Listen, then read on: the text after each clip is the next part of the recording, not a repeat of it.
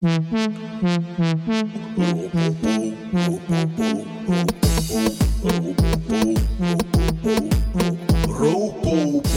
Rotterdamse politieke podcast. Met Ferry en Tara. De politieke podcast met Tara en Ferry, bla bla bla ja ja ja. En wat mooi, bla bla bla bla bla bla. Welkom bij Ropopo met Tara en Ferry. De eerste aflevering van de Rotterdamse politieke podcast. Tara, En Ferry. dat zijn wij. En hier aan tafel, Ellen Verkoelen en Arno van der Veen. Allebei lijsttrekker, een van 50 plus en socialisten 010.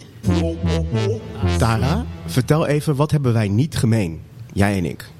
Ik ben een vrouw. Juist. Ja, dat is waar. Maar verder hebben wij ontzettend veel gemeen. Ja. We wonen in dezelfde wijk. We hebben alle twee geschiedenis gestudeerd. We hebben alle twee op Montessori Lyceum gezeten.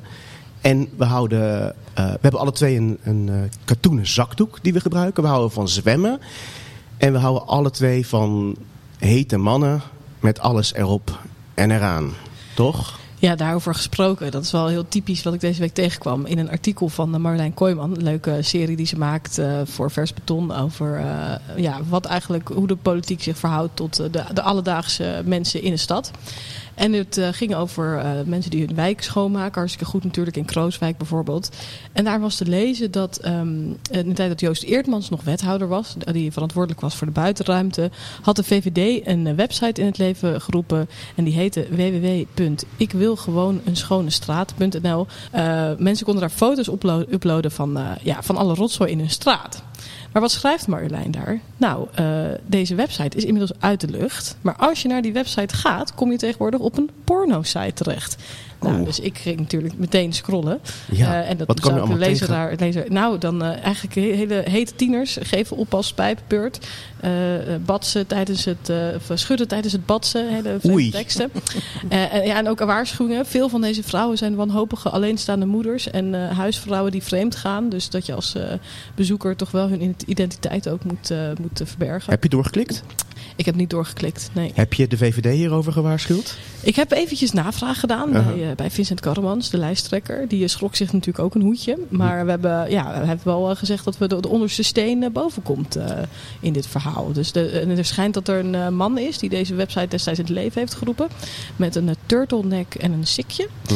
En eh, nou ja, die eh, is inmiddels ook weg. Dat is natuurlijk al wel heel verdacht. Hè? Ja. Dus we gaan, eh, daar, daar gaan we nog eventjes. Daar komen we volgende week even op terug, denk ik. Oké, nou dat, ik ben benieuwd. Zal ik vertellen wat ik afgelopen week heb gedaan? Ik ben bezig geweest met mijn eigen wijk. Doe ik wel vaker.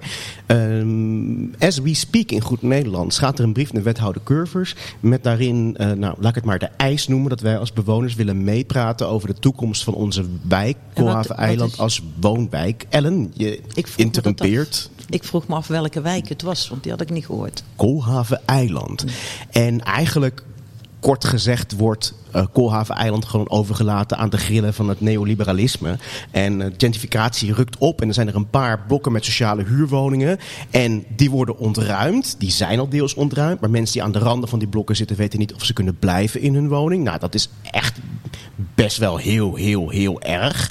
En er zijn er nog blokken naast waarvan eigenlijk de toekomst ook niet duidelijk is. Hoewel er gewoon best wel in vergaderingen wordt gezegd... ja, die worden gewoon ook gesloopt. Maar de bewoners zelf weten het nog niet. Nou, dat is heel heftig. Ondertussen worden in de straten waar dan koopwoningen zijn... dat zijn niet heel veel... die worden echt en masse verkamerd door huisjesmelkers eh, opgekocht... en voor absurd hoge huren weggezet voor... ehm, ex, jonge expats of eh buiten uit uitwisselingsstudenten. En ehm, nou, voor heel hoge huren weggezet voor maximaal 11 maanden. En naast mij is zo'n pand. En ik heb dus elk jaar in september 14 nieuwe buren. Ehm, nou, je begrijpt, zoiets is niet goed voor de sociale samenhang. Heerlijke Eh, woonvisie hebben we? Juist, die woonvisie. En wij als bewoners, het is ondertekend door meer dan 100 bewoners van Koolhaven Eiland. Sturen een brief naar de wethouder met de vraag eh, of hij onze zorgen begrijpt. En of, wij, nou, of hij zijn visie kan geven. En of wij erover mee, mee mogen praten. Ja, het is maar even de vraag of wethouder Curvers tijd heeft om te reageren. Want volgens mij is die eh, hartstikke druk. Hij was bijvoorbeeld eh, op een eh, borrel die werd gegeven door de wethouders vorige week. Speciaal voor journalisten waar ik aanwezig was. Was hij er als eigenlijk een van de weinige wethouders niet. Oh. Ehm, ja, voor de rest was bijna iedereen er. Wat wel opviel was dat eigenlijk eh, iedereen daar gewoon allemaal aan de sparoot en het alcoholvrije bier zat. Maar eh, eigenlijk de enige, Richard Moti was de enige die gewoon lekker een pilsje dronk. Dat vond ik wel verfrissend eigenlijk. En, eh, maar ja, het gesprek van die avond was toch wel... die dag hadden de, lagen de VVD en GroenLinks met elkaar in de clinch... over dat de VVD had gezegd... we willen weg van, af van die verkeersexperimenten. En dat is natuurlijk heel flauw, hè, omdat helemaal aan het einde van, van de collegetijd... waar je daar dan vier jaar lang aan mee hebt gewerkt... wat dan nu te zeggen. Des te opvallender dat de VVD gewoon de afgelopen week komt met een compleet nieuw plan om, tada, straat in de binnenstad verkeersluw te maken. Dus als GroenLinks het zegt, dan kan het niet. Maar als ze er zelf mee komen, in samenwerking met een zusterpartij uit Kopenhagen, is het ineens een geniaal idee.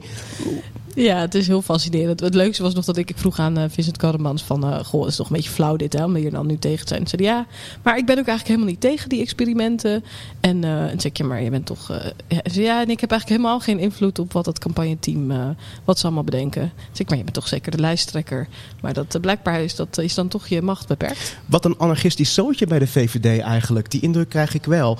Ehm, intussen is er in het kader van verkeersexperimenten ook weer een bijzonder plan naar buiten gebracht over een campus die moet verschijnen op de plek van Erasmus MC. Of Erasmus MC moet een campus worden. En een van de kernideeën is dat er betere verbindingen met de stad worden gelegd. En eh, een van die binde- verbindingen is, tada, een nieuwe parkeergarage. Die aansluit op die straat die dus nu verkeersluw is geworden. Of toch niet? Of toch wel? Of toch niet? Of toch wel? En dan is een nieuwe openbaar, vervoers, eh, openbaar vervoersverbinding is een wens. En niet meer dan dat. En dan denk ik aan onze geliefde GroenLinks-wethouder. Judith Waar- Bolkhoven. Judith Bokhoven, waar is zij in dit verhaal? Ze is al vier jaar wethouder. Al vijftien jaar lang wordt gesproken over een hoogwaardige openbaar vervoersverbinding van noord naar zuid door de, door de Maastunnel. Wanneer kunnen we instappen, mevrouw Bokhoven? Eh, ja, wanneer kunnen we op die bus of eh, in die metro? Niks van gehoord. Maar ik moet, ja, ik moet wel jullie toegeven, ze staat wel heel mooi op de poster. Zeker weten. Er zijn politici die er minder charmant eh, op staan. Eh, bij ons in de wijk, eh, Tara, op Koolhaven-eiland, eh, onze geliefde wijkgenoot Pascal, Pascal Lansing. Eh, ja, het, het, ik moet toegeven, hij ziet er wel uit als een gezellige Brabo. maar hem kennende en weten dat hij, nou ja, op zijn zachtst gezegd toch eh, een behoorlijk geslepen politicus is en helemaal geen gezellige Brabo, ehm, vind ik het niet zo heel erg passend. Ik moet wel zeggen, hij heeft dus een bril. Aan de ene kant kun je denken, dat is, Met getinte glazen. met getinte glazen, die zit een beetje oranje. En dat oranje dat kleurt wel leuk bij het VVD-logo. Dat moet ik hem nageven. Ja, het is zeg maar, het is een beetje dat je denkt, hij ziet er wel sympathiek uit en, en doodeng. Misschien is het eigenlijk een heel goede poster. Welke, welke posters zijn jou opgevallen? Nou, ik waar ik me echt elke keer weer over verbaas, eh, zijn de posters van eh, Robert Simons. Ja. Ik vind echt, eh, ik weet niet precies wat ze daarmee, wat die fotograaf voor ogen heeft gehad, waarom ze die foto hebben gekozen. En weet je, het is 2022, we hebben gewoon Photoshop. Je Ja. kunt via Instagram zo makkelijk even een filtertje over die foto heen doen. Ja, maar ook als fotograaf moet je misschien zeggen... ga eerst naar de wc en dan pas daarna die foto maken. Want ik heb echt het idee van dat hij gewoon onwijs nodig moet poepen op die foto. Ja, hij heeft allemaal rode vlekken in zijn gezicht. Maar misschien Dus- dat de leefbaar stemmen er wel ontzettend op aanslaat. Dat zou zomaar kunnen. Nou, dat, de- daar, daar is dus een hele theorie over. Hè. Dat ook al zie je er zelf misschien niet zo florisant uit. vind je het toch prettig om gewoon eh, naar iemand te kijken die er wel goed uitziet? Oké, wie staat er... eh, weet je wie ik ook heel raar van heb opgekeken? Christine Eske. Zij staat... Oh, nou, ze ziet er glamorous uit qua lippenstift. Maar dat is verwonderlijk, want ze ziet er in het stadhuis nooit zo heel glamorous uit. Dus er is echt wel, ze, ze heeft er aandacht aan besteed. Maar vervolgens kijk je hoe de haar zit. En dat zit er echt, nou, alsof ze echt in die, al in die storm heeft gelopen die nu vanmiddag over Rotterdam raast. Maar echt, ja, het is gewoon duidelijk dat die foto is genomen tijdens de kapperslockdown. Maar hij had even in de spiegel gekeken, weet je wel. Ja, maar ze hebben daar duidelijk wel toch de Photoshop-putten... eh, die hebben ze wel eventjes eh, gebruikt volgens mij. eh. Ja? Denk je niet? Ah, weet je wie er wel goed op staat? Ja. Nou, wie er echt heel goed op staat? Heel goed, charmant, Ja. flatteus. We gaan gewoon... eh, nagedacht. ja. Aan tafel bij Ropopo. Ellen Verkoelen, wij vonden dat jij er echt heel goed op Ja, stond. serieus een pracht van een poster. Is ook serieus heel diep over nagedacht. Oh, nou vertel, wat, zijn, wat waren de Nou overwegingen? ja, als je een poster gaat ophangen van je, jezelf. Als je echt van jezelf een poster gaat ophangen. Wat overigens ongebruikelijk is voor 50 plus. Wij hebben het tot nog toe altijd met ons logo gedaan. Nog nooit eh, onze gezichten. Maar ja, gezien eh, dat 50 plus natuurlijk niet meer zo'n sterk logo is, hebben we besloten tot een poster. Dat was echt het idee wat erachter zat. En ik heb gewoon twee gouden jonge meiden op mijn fractie zitten die zo ongelooflijk goed communicatief, zijn. Dus er zijn billboards, of we, we hebben eh, echte moodboards gemaakt van Oh, hoe zit het in elkaar? Wat moet ik zijn als oudere vertegenwoordiger? Hoe zie je er dan uit? Wat wil je uitstralen? Wat wil je doen? En daar komt deze poster uit voort. Dus ik ben ook, ik ben ook, ik ben onder de visagie geweest hoor, heel eerlijk gezegd. Want nog iemand van RTV Rijnmond, een bevriende eh, dame. En eh, vervolgens ook echt de studio ingegaan om daar serieus eh, voor te kijken. En nou, ik ben dol op Meryl Streep. Dus ik heb tientallen foto's van Meryl Streep in allerlei standen staan op een bord. En dat zijn we echt gaan uitzoeken. Hoe moet ik dan uitstralen? Ik zie er altijd kleurrijk uit. Doelbewust niet. Echt serieus, vriendelijk, gedegen. Maar toch echt open, een mens tot een mens. En gaat het stemmen trekken? Ik weet niet of het me- stemmen trekt, maar ik, het geeft mij in ieder geval een lekker gevoel in mijn campagne dat ik er goed op sta. Ik moet wel zeggen, even een complimentje ook voor Ellen die gewoon deze stom- storm vandaag getrotseerd is en hier alsnog gewoon lekker op de fiets naartoe komt. Uiteraard. En dan zit het haar gewoon nog steeds goed. Ja, nee, dat was mij ook al opgevallen. Wie ik, wiens gezicht ik miste op de poster. Arno van der Veen. Zeker. Was dat ook een overweging? Juist niet dat logo, maar, of juist wel dat logo? Nou ja, er is, er is heel bewust gekozen. We zijn een nieuwe partij. En daarin is het toch vooral belangrijk dat mensen onze partij leren kennen en ons logo leren kennen. Dus is er vrij bewust gekozen voor een poster die dat vooral uitstraalt. Ehm, en we hebben het ook wel gehad over wat moet nou de boodschap zijn voor die campagne. En daarin is het toch belangrijk een gegeven dat de afgelopen jaren, zeker de afgelopen twintig jaar, de stad toch een beetje is overgelaten aan de grillen van de markt. En er vooral heel erg veel is nagedacht over wat levert winst op en waar kunnen we econom- economische ontwikkeling uithalen. In plaats van waar de basis ligt, namelijk dat de stad is gebouwd door en voor mensen. Eh, en vandaar ook de hand die, die verschillende nou ja, herkenbare punten uit de stad, zowel de Kuip, eh, maar ook een Pompenburg, wat toch een, een, een vrij monumentaal iets is binnen de stad eh, en gedreigd wordt met sloop. Eh, dus op die manier hebben we daarop ge- geprobeerd te anticiperen met een poster die, die dat juist uitstraalt voor de mensen en niet voor de winst. Is, die, eh, is het, het idee van die poster toevallig ook op een eh, borrel ontstaan? Net zoals het idee voor deze podcast overigens. Ehm, dat zou zomaar kunnen. Ja, we hebben natuurlijk niet al te grote veel voorbereidingstijd gehad. Dus ik denk dat het idee van de poster in ieder geval is gekomen tijdens een lockdown. Dus het, als het een borrel was, zal het een digitale zijn geweest, vrees ik. Eh, maar daar zijn ja, vooral jonge mensen bij ons in de partij die, die daar als vrijwilliger allerlei tijd en energie in steken. Die dat, eh, En dat logo, kunnen. dat deed sommige mensen denken aan een biermerk. Ja. Kijk je daar ja, nog met het, enige... het, het schijnt. Nou ja, op zich, ik, ik vond het verwijt niet zo erg of, eh, of de vergelijking. Eh, we worden vaak beticht als socialisten voor gratis bier te zijn. Dus wat dat betreft heb je dan meteen een goed logo te pakken. Ja, Als het stemmen inderdaad. trekt, waarom niet? Eh, eigenlijk, als ik het heel even kort mag samenvatten, is het eigenlijk zo. eh, ehm, dat eh, de SP heeft gewoon een aantal eh, leden gerooieerd eh, die ehm, lid waren van het Marxistische Verbond. als ik Marxistisch Forum. Ja, Het Marxistisch Forum. Maakt allemaal niet heel veel Wat ik zelf heel fascinerend vond. Want volgens mij is er echt geen, geen partij met zulke Stalinistische praktijken als de SP.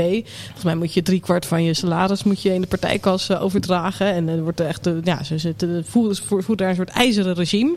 Maar als je lid bent van een, van een forum wat met marxisme wordt geaffilieerd. Nou, dan, hebben ze, dan is het een heel groot probleem. Ik snap het niet helemaal eigenlijk. Eh, ja, ik, ik, ik ook in de kern nog steeds niet helemaal. Eh, maar in het, in het superkort komt het erop neer dat... eh, ik was lijsttrekker van de SP in november vorig jaar. En dat deden we met de gedachte dat we breder zien dat de SP en, en links in, in Nederland... toch een beetje de aansluiting met sociale bewegingen kwijt is geraakt. En je ziet die beweging, of dat nou een voor 14 is, een Black Lives Matter, woonbeweging... die dagen die linkse politieke partijen echt uit om zich meer te profileren, radicale politiek te voeren en een keer de macht echt uit te dagen. En je ziet dat breder links een heel groot probleem heeft om die bewegingen te versterken en om daar een soort van onderdeel te zijn, daar middenin te staan. En niet ofwel juist te claimen, deze beweging, dat zijn wij, dat, dat ben ik. En ook niet op het moment dat die beweging verder durft te gaan dan jij als partij. Te zeggen, oké, eh, jullie zijn misschien verder en wij moeten in het parlement kijken wat haalbaar is en weet ik het allemaal niet. Eh, maar die beweging toch vaker zien als een soort last. Als iets van, goh, jullie zijn te ongeduldig, wacht nou maar even. Dus in, in feite houdt linkse politiek in Nederland vaak de sociale bewegingen tegen. In plaats van dat ze die versterkt. En we probeerden dat in Rotterdam eh, dat opnieuw, nou, opnieuw te gaan doen. Door opnieuw de verbinding met die bewegingen te zoeken. Door daar middenin te gaan staan. En door vanuit de raad een soort klokkenluider te zijn met dit komt eraan, dus, dus wees voorbereid. Maar ook die bewegingen die op straat zijn, te vertalen naar de raad om daar een stem aan te geven. En dat probeerden we te doen en dat wilde de SP niet. Eh, en daarom ben ik bijvoorbeeld gerooieerd eh, toen ik lijsttrekker was. Eh, en zijn we daarna Socialisten 010 begonnen. Het is er is gepoogd om tegen te houden dat de SP, de echte SP, wil de echte SP opstaan, dat de echte SP eh, is geprobeerd om die te, eh, niet aan de verkiezingen te laten meedoen door de leden. Heb je daar nog met enig genoegen naar gekeken? Nou, niet, ik moet vooral zeggen dat ik het, het vooral een, een vrij treurige ontwikkeling vond. Ehm, maar je, nou ja, het, werd wel bevestigd, het gevoel dat de SP niet een al te democratische partij is. Op het moment dat als je eigen leden in Rotterdam zeggen, wij zijn helemaal niet klaar voor de verkiezingen. eh, dat dan een landelijk partijbestuur besluit, ehm, we gaan toch meedoen. Ja. Eh, dat, ja, dat, dat is bijzonder, zeker als je het moet hebben in je campagnetijd van vrijwilligers. En die komen toch echt uit de stad zelf. We hebben foto's gezien van de jonge Stalin. En eh, heb je daarnaar gekeken toen je besloot om een snor te laten staan? Dat dacht ik ook. N- nee, nee, daar heb ik niet naar gekeken. toen Ellen ik- dacht het ook toen hoor. Ik daar, eh, toen ik daarnaar keek. Maar de snor is begonnen in quarantainetijd eh, ooit. Toen dacht ik, nu heb ik de tijd om hem net langer door mijn vlassnor heen te laten groeien. Ha. En er daarna weer oké uit te zien als ik buiten kom. Over Vlasnor gesproken, hoe oud ben je eigenlijk? Ik ben 25. Ellen, wat vind jij van snorren? Nee, ja, nee, nee, nee. Ik, dan- ja, maar dan gaan we een heel verhaal over mannen hebben. Ik vind eh, mannen met baarden en snorren hebben iets te verbergen. Oei, Oh jee. Oh jee. uitgangspunt. We kijken elkaar aan hier. eh. En, en wat hebben ze bij 50 plus te verbergen? Helemaal niks meer Nee? tegenwoordig. Nee, we zijn nu helemaal schoon. Hè? Nu Ja. zijn we eindelijk schoon. Dus eh, Ja, want jullie hebben natuurlijk ook de nodige... Het, het is jou niet vreemd, een beetje confrontatie met... het is mij totaal niet vreemd confrontatie. Nee. En ik vind het ook helemaal niet erg dat dat gebeurt in de politiek overigens. Dat mag best gebeuren. Gebeurt overigens in elke partij. Laten we wel wezen, als we kijken hoe de afgelopen jaren, nou, hoe het in de SP gegaan is, bij het CDA met Pieter Omzicht. Eh, kijk eens even wat er bij de Partij voor de Dieren met de voorzitter gebeurt. Overal gebeurt van alles. Geen punt als 50 plus ook maar één zucht verkeerd doet, staat het in de krant van wij ouder worden direct eh, ja, toch geassocieerd met ruzie. En ja, dat. eh, Maar jij hebt de catfight wel gewonnen, hè? ik heb de catfight gewonnen. Ja, ik, eh, maar laten we eerlijk zeggen, het was voor mij geen catfight. Ik ben echt iemand van principes. En ik was die nummer drie, dat was heel duidelijk. En ik ging echt, hè, wij hebben kroonjuwelen, anders als D66 verkoop ik die niet. En dat gaat er echt over dat wij vinden dat pensioen heel erg belangrijk is. En de AOW gewoon terug moet naar 65 jaar. En gekoppeld aan die 14 euro van het minimumloon. Ja, en als je dan een lijsttrekker krijgt die nog eh, niet droog achter de oren binnen 50 plus dat al weg gaat geven nog voordat we begonnen zijn. Ja, dan is dat voor mij een onbegrijpelijke situatie. Daar heb ik me heel netjes in gedragen overigens. Ik heb, daar, ik heb dat intern aan de lopende band aangekondigd van jongens, dit gaat mis. Denk erom, als ik door de media benaderd word, ik doe alles, maar ik ga me niet mezelf verloochenen. Dus ik hou vast aan mijn standpunten. En daar ontstond de ruzie van. En ja, die verloor ze. Het valt mij trouwens wel op dat, eh, dat Ellen, eh, dat, je altijd, dat je enorm populair bent. Hè? Mensen vinden jou allemaal ontzettend aardig. Of het nou op het stadhuis is of in de stad. Je hebt echt, eh, mensen vinden jou altijd al super sympathiek. Maar ik ben toch wel nieuwsgierig. Het, het kan niet anders. Dat is een terugkerende vraag die we in deze podcast aan mensen gaan stellen. Het kan niet zijn dat er iemand is die jou, jouw bloed toch ook wel kan drinken. Wie haat jou? Nou, ik denk dat het ook niet zo is. Je- Oh. Ik ben een type, ik ben ondertussen bijna 65 en ik heb mijn hele leven meegemaakt. Je mag me of je mag me niet. Maar ik heb toch wel heel veel mensen die mij niet mogen. Ze Vertel. Vinden, nou ja, kijk, Wie staat er op één? die mij niet mogen? Boel. Bij Leefbaar zijn ze op dit moment niet zo blij met jou, nee, toch? nee. Robert Simons is eh, zeker niet. eh, dit, dat is niet mijn grote vriend. Nee, dat klopt. Hè. Nee, Ik, overigens heb ik er geen moeite mee. Kijk, ik ben een type mens. Je zult bij mij zelden of nooit echt ruzie krijgen. Ik heb dat ook niet in mij zitten. Dus dat is misschien waarom mensen dat denken. Ik ben recht door zee. Ik ben zeer strak in de leer. Ik durf het ook direct te zeggen. En ja, dat kan heel vervelend overkomen. Maar voor mij, ja, even goede vrienden. Dat hoort in de. in de Ellen, wat heb jij gedaan wat Robert Simons een beetje boos heeft gemaakt? Nou ja, kijk, eh, laten we heel duidelijk zijn. 50 plus stond er niet zo netjes op. Dat was heel duidelijk. En wat er gewoonweg gebeurde is... Ik heb echt vier jaar me echt 26 slagen in de ronde gewerkt om ons in elkaar te zetten. Dat is denk ik redelijk goed gelukt. Maar het probleem blijft toch dat hier... In de, hè, we leven in een bubbel. Als ik op de markt ga staan en ik zeg 11 koelen. Wie kent nou 11 koelen? Wie kent nou 50 plus? Dan komt toch weer boven de ruzies die we gehad hebben, de toestanden. Dus ik had zoiets van, joh, wat heb ik nu gedaan de afgelopen vier jaar? En ik heb eigenlijk, of ik het wilde of niet, maar noodgedwongen door deze coalitie, ben ik ombudspolitiek gaan doen. Ik ben gewoon pure ombudspolitiek gaan doen. Ik heb het over de Verzandstraat, de Tweebosbuurt, het recreatieoord Hoek van Holland, eh, de volkstuintjes. Nou, noem het maar op. Ook in de zorg. Mijn 81 moties zijn natuurlijk gewoon ombudspo- ombudspolitiek. Leg even uit voor de, de, de, de, de mensen Dat is die- dat ik steeds gekeken heb wat speelt er in de samenleving en waar hebben mensen problemen mee. En hoe kan ik ze daarin steunen en hoe kan ik ze nou een stem geven in die raad dat ze ook gehoord En worden. waarom maakt Een beetje los van ideologie. Als ik dat, Een beetje los van ideologie. En waarom maakt de leefbaar dat boos? Omdat ik vervolgens mijn lijst samengesteld heb van allerlei toppers uit die eh, ombudspolitiek. Dus ik heb iemand van Rosa eh, eh, over armoedebeleid, waar ik heel veel aan gedaan heb. Ik heb iemand, ik heb mevrouw eh Pelger van de Tweebosbuurt. Jongens, we kennen haar allemaal. Ze is het icoon geworden en het, het eh, gezicht van de, de sloop.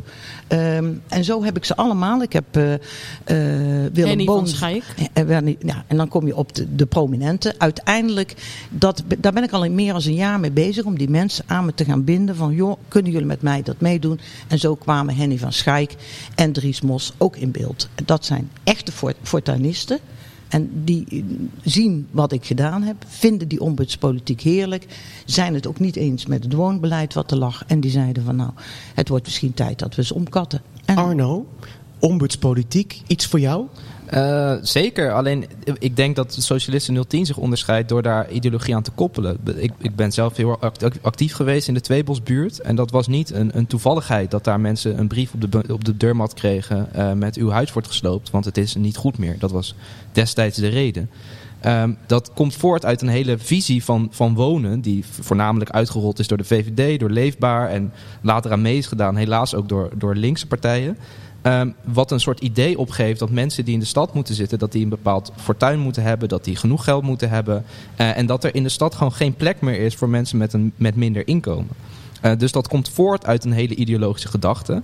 Dus ik denk ook dat het belangrijk is, en wij denken als Socialisten 010, dat het belangrijk is om daar wel ook een ideologisch verhaal aan te koppelen. Waardoor je ook een bepaalde vo- voorspellende waarde krijgt. Hè? Dat je kunt zien, eh, er wordt nu gesloopt in de Tweebosbuurt, maar dat gaat ook gebeuren in Charloes. Dat gaat ook gebeuren bij Pompenburg. Dat gaat nog op veel meer plekken in de, wijk of in de stad gebeuren als je dadelijk aan de, aan de netto 20.000 betaalbare woningen minder wil komen. Ehm, dus dat, die lijkt een beetje te twijfelen. Nou ja, wat ik hoor zeggen, dat klopt. Hè. De Socialisten 010 heeft natuurlijk toch nog steeds het SP-gedachtegoed. en dat vind ik heel logisch, want dat blijft dat gedachtegoed. Maar het verschil wat ik bijvoorbeeld zie, wij vissen in dezelfde vijver hè, qua achterban. Maar het verschil zit erin dat ik vind dat jullie ook altijd maar op die actie blijven zitten. Dat is niet wat ik doe. Hè. Ik vertaal de actie naar politiek. En daar zit wel een meerwaarde in. Arno, jouw eerste motie? En vind ik ook een, eh, dat vind ik ook een heel duidelijk verhaal van eh, goede grondbeginselen. Ja, kijk, ik, ik, zit niet, ik zit nu niet in de raad. En na 16 maart hopelijk wel. En, en het gaat er daar natuurlijk ook om om uiteindelijk meerderheden te vinden om daadwerkelijk dingen te gaan bereiken voor mensen. Maar dat komt wel voort. We hebben de Tweebosbuurt gezien. Dat is een, een gevolg geweest van jarenlange acties. Waarbij er eerst een woonreferendum is afgedwongen. Toen nog ontzettend weinig mensen in de stad een besef hadden van wat heeft dat te betekenen. En toen de eerste brieven voor sloop de, de deurmat opvielen. Toen zag je dat mensen daarin in actie kwamen en wakker werden. En juist doordat je daar langs de deuren gaat. Elke dag, elke week met mensen samenkomt. Om acties te bespreken. Om te kijken wat kunnen we hier nou tegen organiseren. Daardoor is de gemeenteraadscommissie langsgekomen. Om te kijken wat gebeurt hier eigenlijk. En er was toen, en Verkoelen was daar toen voorzitter van die commissie. En die kwamen toen pas voor het eerst langs in de wijk om te praten. Wat, gebeurt hier? En dat was een paar maanden nadat die eerste sloopbrief de deur uitkomt. Dus er zit wel werk vooraf. En volgens mij moet je dat afmaken in de raad. Maar begint dat bij mensen mobiliseren. Arno, wie gaat jou haten als jij in de politiek eh, in de raad komt? Eh, nou, ik geloof dat Pascal Lansing van de VVD op dit moment al niet mijn grootste fan is. Mhm. Dus ik vermoed dat dat eh, zichzelf zal verste- Maar dat is vers- niet bestandigen. Hoe, hoe komt dat? En nou, ik weet nog heel goed, die, die allereerste keer in de Tweebosbuurt, dat was in het gemaal, waar, waar toen de, de, de commissie langskwam. En ik was toen betrokken als vrijwilliger eh, bij het organiseren van bewoners tegen de sloop. Eh, en dat was een bijeenkomst waarbij de commissie zei, we gaan in gesprek en we gaan luisteren. Maar eigenlijk was het een, een, een promopraatje van mensen die zeiden, we begrijpen alle zorgen, laten we één op één nog een keer verder praten. En er waren allerlei bewoners die wilden daar vragen stellen. Alleen dat kon toen niet. En toen heb ik, heb ik het woord genomen en daar ook de nodige vragen gesteld. En dat vond De heer Lansing vond dat eh, een onruststoker, een socialistische onruststoker. En die kon je er maar beter niet bij hebben, want dan ging het nooit wat worden met de stad. Ellen, Maar- jij herkent dat? Ja, ja, ja ik, was da- ik was daarbij aanwezig en heb die avond eh, eh, geleid. Dus ik, ik heb hem ook alle ruimte gegeven overigens. Hoor, want dat vind ik dus actie voeren. Hey, even over actie voeren. Eh, ik begreep dat de VVD en Leefbaar ook een beetje boos zijn op uh, Socialisten 010. Omdat er allemaal posters... eh, en, Ik ook. Oh, oh, ook Ik- boos op jou? Of? Ja, ja, ik heb sinds eh, gisteren ook uitgebreid bij het presidium. Ik geloof dat er ondertussen al twintig borden van mij beplakt zijn. Oh. En ik snap het anarchisme, maar het houdt een keertje op. Ja, want, eh, want ja, Arno, hoe, eh, hoe zit dat? Dat, dat, dat Ja. mag natuurlijk niet, hè? Ik, ik moest er ergens wel om lachen. We hebben vandaag die storm eh, met windkracht zoveel, met 140 km per uur. Ik, ik, moet, ik moet nog zien hoeveel borden er na vandaag hangen. En daarna ook benieuwd van hoeveel borden Socialisten 010 de schuld krijgen dat ze, dat ze eraf zijn gevallen. Ehm, ik heb foto's voorbij zien komen met, met fuck VVD-stickers over borden. Eh, en daar worden wij van beschuldigd dat we dat zouden doen. Ehm, terwijl ik juist van een, van een VVD zou denken, als, als liberalen zou je toch moeten begrijpen dat wij niets meer kunnen vragen dan de individuele verantwoordelijkheid van activisten. Eh, waarbij we iedereen oproepen verantwoordelijk met stickers om te gaan. Eh, maar daar worden zo nu en dan borden mee beplakt. En, en wat ik ergens denk ik het vermoeiende vind van de discussie. ik las in de krant, de VVD noemt het onsportief. Die zien verkiezingen en politiek echt als een spel.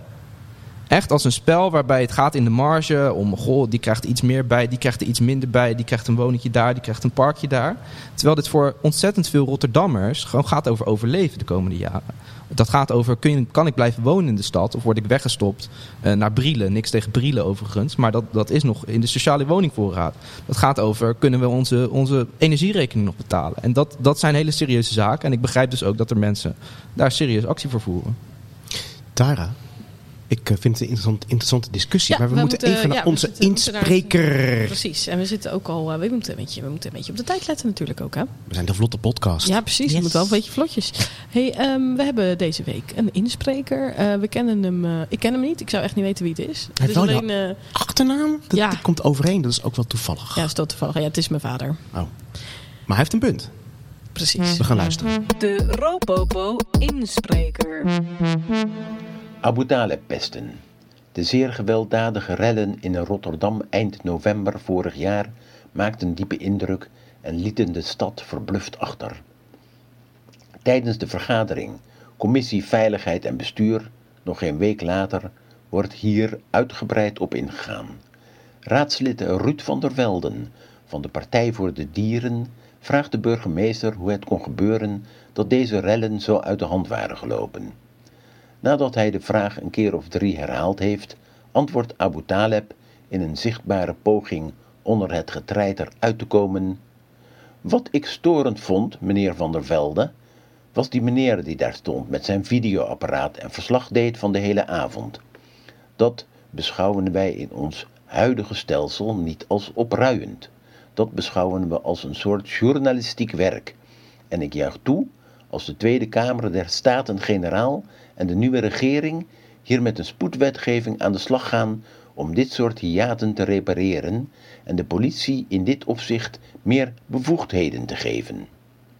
Naar aanleiding van deze opmerkingen verschenen in de media diverse artikelen, waarin journal- journalisten elkaar overstemmen en zo een verhaal ontstaat waarin de burgemeester eigenhandig bezig is met wetgeving om verslaggeving van rellen helemaal te verbieden.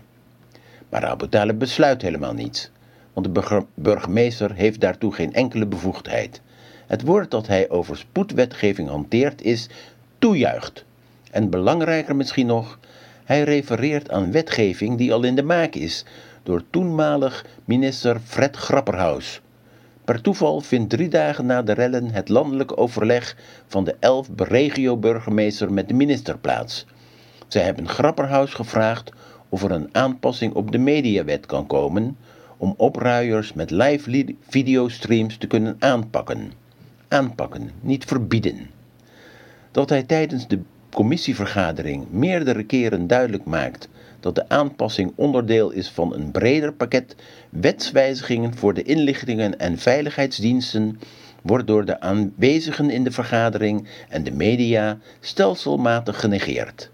We leven in een tijd waarin onze privacy afbrokkelt en vrijheid van meningsuiting in het geding zijn.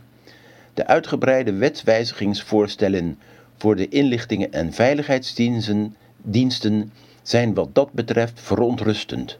Laten de media hun aandacht daarop richten en zich vooral houden bij de feiten, in plaats van meedoen met Abu Talib-pesten. De Ropopo inspreker. Maar het past wel heel eerlijk gezegd bij het gedachtegoed van Abu.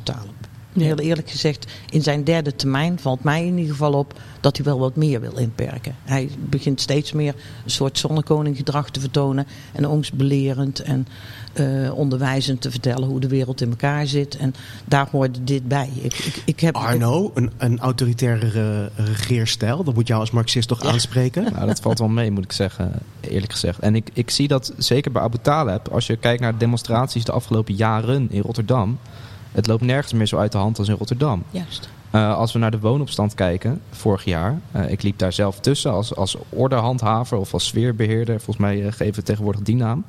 Uh, en vanuit het niks worden de mensen ingesloten midden op een brug. Waarvan je ook denkt, nou... Ik stond er met mijn neus bovenop. Het Is- was echt voor mij onvoorstelbaar. Is dat nou een handige plek? En gewoon een, een uur lang geen communicatie. uh, en je wordt eruit gepikt omdat je een zwarte broek en een zwarte trui aan hebt. En Het was je een geen ge- polder van Abu En als je een gekleurde trui aan hebt, dan, was, dan mocht je er weer tussenuit. Dus je, je ziet dat er een bepaalde sfeer hinkt- hangt in de stad. Waarbij nou ja, toch een beetje het gevoel heeft... eh, wij kunnen alles maken en eh, iedereen luistert maar naar ons. En grondrechten zijn daarin niet heel relevant. Hij heeft daar overigens wel een steun. Hè? Want eh, laten we wel wezen, onze burgemeester heeft er natuurlijk niet zelf voor te zeggen. Als ik weer even terugga Tuurlijk. naar de coalitie, is het de afgelopen vier jaar natuurlijk ook wel stevig geworden. Hè? Onze politieagenten zijn er niet meer geworden. Ze zijn allemaal naar de sportschool gestuurd. Want ze moeten zoveel wapens dragen dat ze dat bijna niet meer kunnen tillen als ze de straat op gaan. En dat is wel een beetje het gedachtegoed waar Abu Talib op doorsurft. Hè? Surft. En zien we dat terug op de socials van de politici. Politici op de socials. Oftewel, wat heeft Vincent Karremans nu weer uitgespookt? Ellen, je vertelt mij net iets spannends. Eh, wat jij denkt dat er vervolg komt van eh, de man met het paard? Dat schat ik in, ja. Ik, in Wat ieder heb je gezien, Ellen? Nou ja, ik Onthul zag- het. En vanuit, vanuit mijn fractiekamer in het stadhuis keken wij naar buiten en zagen wij een film opgenomen worden door de VVD. Dus ik schat in. Had hij kleren aan of niet? Ja, dat weet ik niet. Zover hebben Hoe ver was zijn shirt open als hij een shirt aan had? Dat heb ik niet gezien. Ja, het wordt nog aantrekkelijk voor jullie mannen. Maar eh, ik heb het nog niet gezien. Maar ik, eh, ik schat in dat er een deel 2 komt. Op het man met de blote borst op paard. Ellen was natuurlijk destijds ook eh, genomineerd hè, als politicus van het jaar. Eh, en Vincent die, die, die, die ging er vandoor met de prijs. En ik weet nog dat Ellen toen zei, shirt uit, shirt uit. Ja, Maar dat shirt dat bleef gewoon aan. het heeft hem een zetel opgeleverd hoor. Daar ben ik Precies. van overtuigd. Ja, dat denk ik eigenlijk ook wel. Ja, want inmiddels is hij ook weer be- druk bezig met, eh, met eh, zieltjes winnen. Hij is bezig met een CrossFit Challenge. Dus dan zien we hem eh, met ja. lekker bezweet en een handdoekje over de schouder. En net, er staat nog net niet hashtag beast mode bij. Maar hij is druk bezig met crossfitten om stemmen binnen te halen. Daar ben ik met Arno overigens ook helemaal eens. Hè. Dit is typisch het bitterballen bierfestijn van de VVD.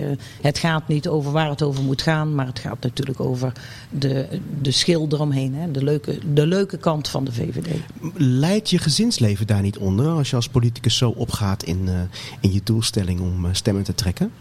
Nou, in het geval van Vincent Karremans niet. Die gebruikt gewoon beleidsstukken om eh, zijn babytje in Ja. bed te sussen. Vertelde hij bij de Zelfs podcast van eh, Sander Schimmelpenning. Werkt dat? Ja, dat denk ik wel. De, eh, dat, eh, een eh, babytje wordt ook gebruikt om, ehm, of tenminste gebruikt. We zien hem ook, uh, dan zien ook dat het babytje gezellig door de wijk uh, wordt, uh, wordt rondgereden. en dan, wie komen ze natuurlijk tegen? Een poster van papa. Dus dat is, oh, dat, dat En wat vindt die baby daarvan? Ja, die keek op zich een beetje monsterend. Maar nee, dat, dat is natuurlijk een heel schattig babytje. En er is ook een, een tuinselfie verschenen op de socials, begreep ik? Ja, nee, de tuin van uh, Jesse Klaver is blijkbaar gewoon volledig betegeld. In tegenstelling tot uh, de, wilde, de wilde bedoeling uh, in, bij Vincent Karremans in zijn tuin. Dus Heeft Karremans dus een GroenLinks tuin eigenlijk? Nou, ik moet zeggen, hij zag er gewoon eigenlijk vooral een beetje verwaarloosd uit. Maar hij ziet er inderdaad redelijk, ja, hij ziet er redelijk wild uit. Hmm. En Jesse Klaver heeft een, een VVD-tuin. Of ja. juist niet. We weten het verschil gewoon niet meer. Want wie is er nou voor vergroening van de stad? Ja, duidelijk de VVD natuurlijk. Nou, um, ja, en wat verder nog wel opviel, eh, is, t- bouwen, bouwen, bouwen is bij Vincent gewoon geworden vegen, vegen, vegen. Die man Ja. is gewoon elke dag eh, in een oranje pak en echt eerlijk gezegd afstotelijke zwarte soort veiligheidsschoenen is die bezig. Heeft met hij rood zich direct vegen. laten aanpassen. Meteen. Hij loopt er ook mee in het Staat hem wel weer heel goed het natuurlijk. staat hem uiteraard weer geweldig. Dus ja, dat... Ja, dat is, vandaar ook deze rubriek. Hè. Die is echt gewoon ja, is een redelijk uitgekiende mediastrategie. Ik verdenk Vincent er persoonlijk van dat hij gewoon op weg is om. Hij heeft natuurlijk niet voor niks ook als omslagfoto's op al zijn eh, sociale media-account een foto samen met Mark Rutte. Volgens mij is hij er gewoon eh, op uit om uiteindelijk gewoon minister-president te worden. Maar dat ontkent hij wel. Eh, toevallig zei Francisco van Jolen, die complimenteerde hem ook met zijn groene strategie. En die zei op Twitter van, nou, eh, die Vincent Karremans die stijgt nog eens tot grote hoogte. Maar dan zei Vincent zei toen, mm, wat is er nou hoger dan wethouder zijn in Rotterdam? Zo is het. Dat was ook bij het raadslid zijn in Rotterdam. Nou, van We Vincent gaan we zien. nog een hoop horen, Hij heeft, denk hij heeft ik. volgens mij vooral eh, heeft de afval, afvaldienst wat eh, handjes nodig. Want er is genoeg bezuinigd op het afvalbeleid de afgelopen jaren. Dus iemand extra die vrijwillig eh, met de bezem aan de hand gaat, is ook niet erg. Geen overbodige luxe. Zeker niet. Ehm, kijk uit naar volgende week. Er is een raadsvergadering op donderdag. Staat er nog Ja. iets bijzonders op het programma? Nou ja, het is het verantwoordingsdebat over de afgelopen vier jaar. Dus er er kan van alles uit de hoge hoed komen. Arno? Ja, nou ja, dat. Eh, en de afgelopen week, dat zal nog wel een vervolg krijgen, de wooncoöperatie eh, in Noord, waar eh, de stekker uit wordt getrokken. Er was een eh pilot. In de burgemeester Roostra. Ja, waar mensen nou ja, Ja. in, in eigen beheer eh, woningen bouwen en daar dat kunnen beheren. Eh, alleen daar zijn de financiën niet voor en is de beleidsruimte niet voor. Dus dat, daar zal nog genoeg aandacht voor komen de komende week. En over Ja, de zorg natuurlijk. Hè. De, die zijn we ook gehad de afgelopen week.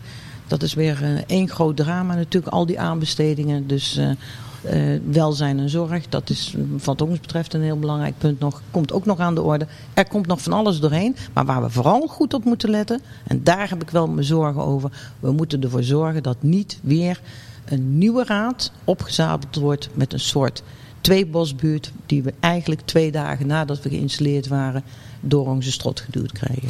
Wat er ook gaat gebeuren, over een week is er weer een nieuwe Ropopo. Zijn we er, toch?